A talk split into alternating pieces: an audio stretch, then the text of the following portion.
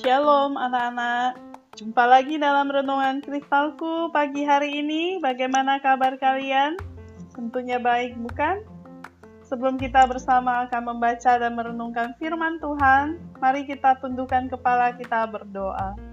Tuhan Yesus yang penuh kasih, kami sungguh bersyukur padamu. Pagi hari ini Tuhan kembali memberi kesempatan bagi kami menikmati kebenaran firman Tuhan. Kami berdoa supaya kami dapat duduk tenang dengan fokus mendengarkan firman Tuhan. Demi nama Tuhan Yesus kami sudah berdoa. Amin. Anak-anak, pembacaan firman Tuhan hari ini dari Injil Matius pasal yang kedua, ayat 13 hingga ayatnya yang ke-23. Demikian firman Tuhan. Setelah orang-orang Majus itu berangkat, nampaklah malaikat Tuhan kepada Yusuf dalam mimpi dan berkata, "Bangunlah, ambillah anak itu serta ibunya, larilah ke Mesir, dan tinggallah di sana sampai aku berfirman kepadamu, karena Herodes akan mencari anak itu untuk membunuh dia." Maka Yusuf pun bangun, diambilnya anak itu serta ibunya. Malam itu juga lalu menyingkir ke Mesir dan tinggal di sana hingga Herodes mati. Hal itu terjadi supaya genaplah yang difirmankan Tuhan oleh nabi. Dari Mesir kupanggil anakku. Ketika Herodes tahu bahwa ia telah diperdayakan oleh orang-orang Majus itu, ia sangat marah.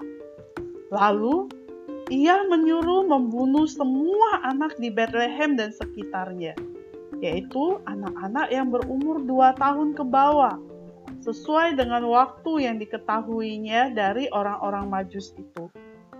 Dengan demikian, genaplah firman yang disampaikan oleh Nabi Yeremia. Terdengarlah suara di Rama, tangis dan ratap yang amat sedih. Rahel menangisi anak-anaknya dan ia tidak dapat dihibur sebab mereka telah tiada. Setelah Herodes mati, nampaklah malaikat Tuhan kepada Yusuf dalam mimpi di Mesir katanya, Bangunlah, ambillah anak itu serta ibunya, dan berangkatlah ke tanah Israel, karena mereka yang hendak membunuh anak itu sudah mati. Lalu Yusuf pun bangun, Diambilnya anak itu serta ibunya dan pergi ke tanah Mesir. Tetapi setelah didengarnya bahwa Arkelaus menjadi raja di Yudea, di Yudea menggantikan Herodes ayahnya, ia takut ke sana. Karena dinasehati dalam mimpi, pergilah Yusuf ke daerah Galilea Setibanya di sana, ia pun tinggal di sebuah kota yang bernama Nazaret. Hal itu terjadi supaya genaplah firman yang disampaikan oleh nabi-nabi, yaitu bahwa ia akan disebut orang Nazaret. Anak-anak, setelah orang-orang Majus itu pergi, firman Tuhan katakan, seorang malaikat Tuhan memperingatkan Yusuf dalam mimpi untuk meninggalkan Bethlehem dan pergi ke Mesir. Jadi Yusuf dan Maria meninggalkan kota Bethlehem pada malam itu juga dan pergi ke Mesir bersama dengan bayi Yesus. Ketika Herodes menyadari bahwa ia telah diperdaya oleh orang-orang Majus yang tidak datang kembali untuk menceritakan di mana bayi itu, dia sangat marah dan memerintahkan prajuritnya untuk membunuh semua anak laki-laki di bawah usia dua tahun di seluruh kota Bethlehem. Sementara itu, Yusuf dan Maria tinggal dengan aman di Mesir hingga Herodes mati.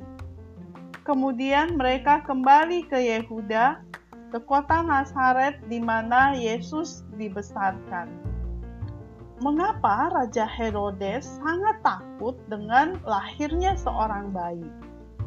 Anak-anak, orang-orang Majus menghadap Raja Herodes untuk mencari tahu tentang seorang raja yang baru lahir. karena mereka berpikir bahwa Herodes adalah yang paling mungkin untuk mengetahui tentang kelahiran seorang raja Yahudi. Sementara itu, Herodes pasti bertanya-tanya, apakah ia akan kehilangan sesuatu?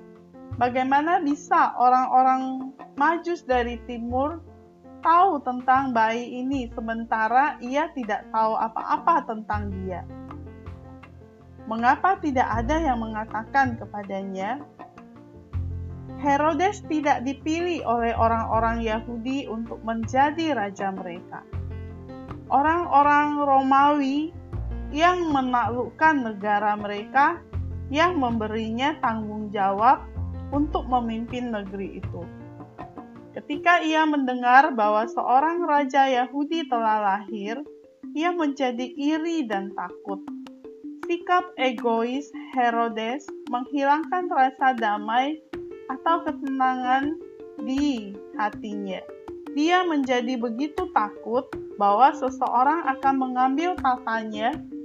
Bagaimana perbedaan sikap Raja Herodes dan orang-orang Majus tersebut? Orang-orang Majus pergi dengan hati yang penuh damai dan sukacita. Sementara Herodes hatinya penuh amarah dan ketakutan. Tetapi Yesus tidak pernah datang untuk mengambil tahta, melainkan hatinya. Kiranya Tuhan Yesus menolong kita untuk selalu datang kepada Tuhan, bukan dengan sikap yang egois, hati kita boleh dipenuhi damai sejahtera dan sukacita. Mari kita berdoa. Terima kasih Tuhan Yesus untuk berkat-Mu melalui firman-Mu di pagi hari ini. Terpuji Engkau ya Bapa, demi nama Tuhan Yesus kami sudah berdoa. Amin. Anak-anak, ayat hafalan hari ini dari Yohanes 18 ayat 36. Jawab Yesus, Kerajaanku bukan dari dunia ini.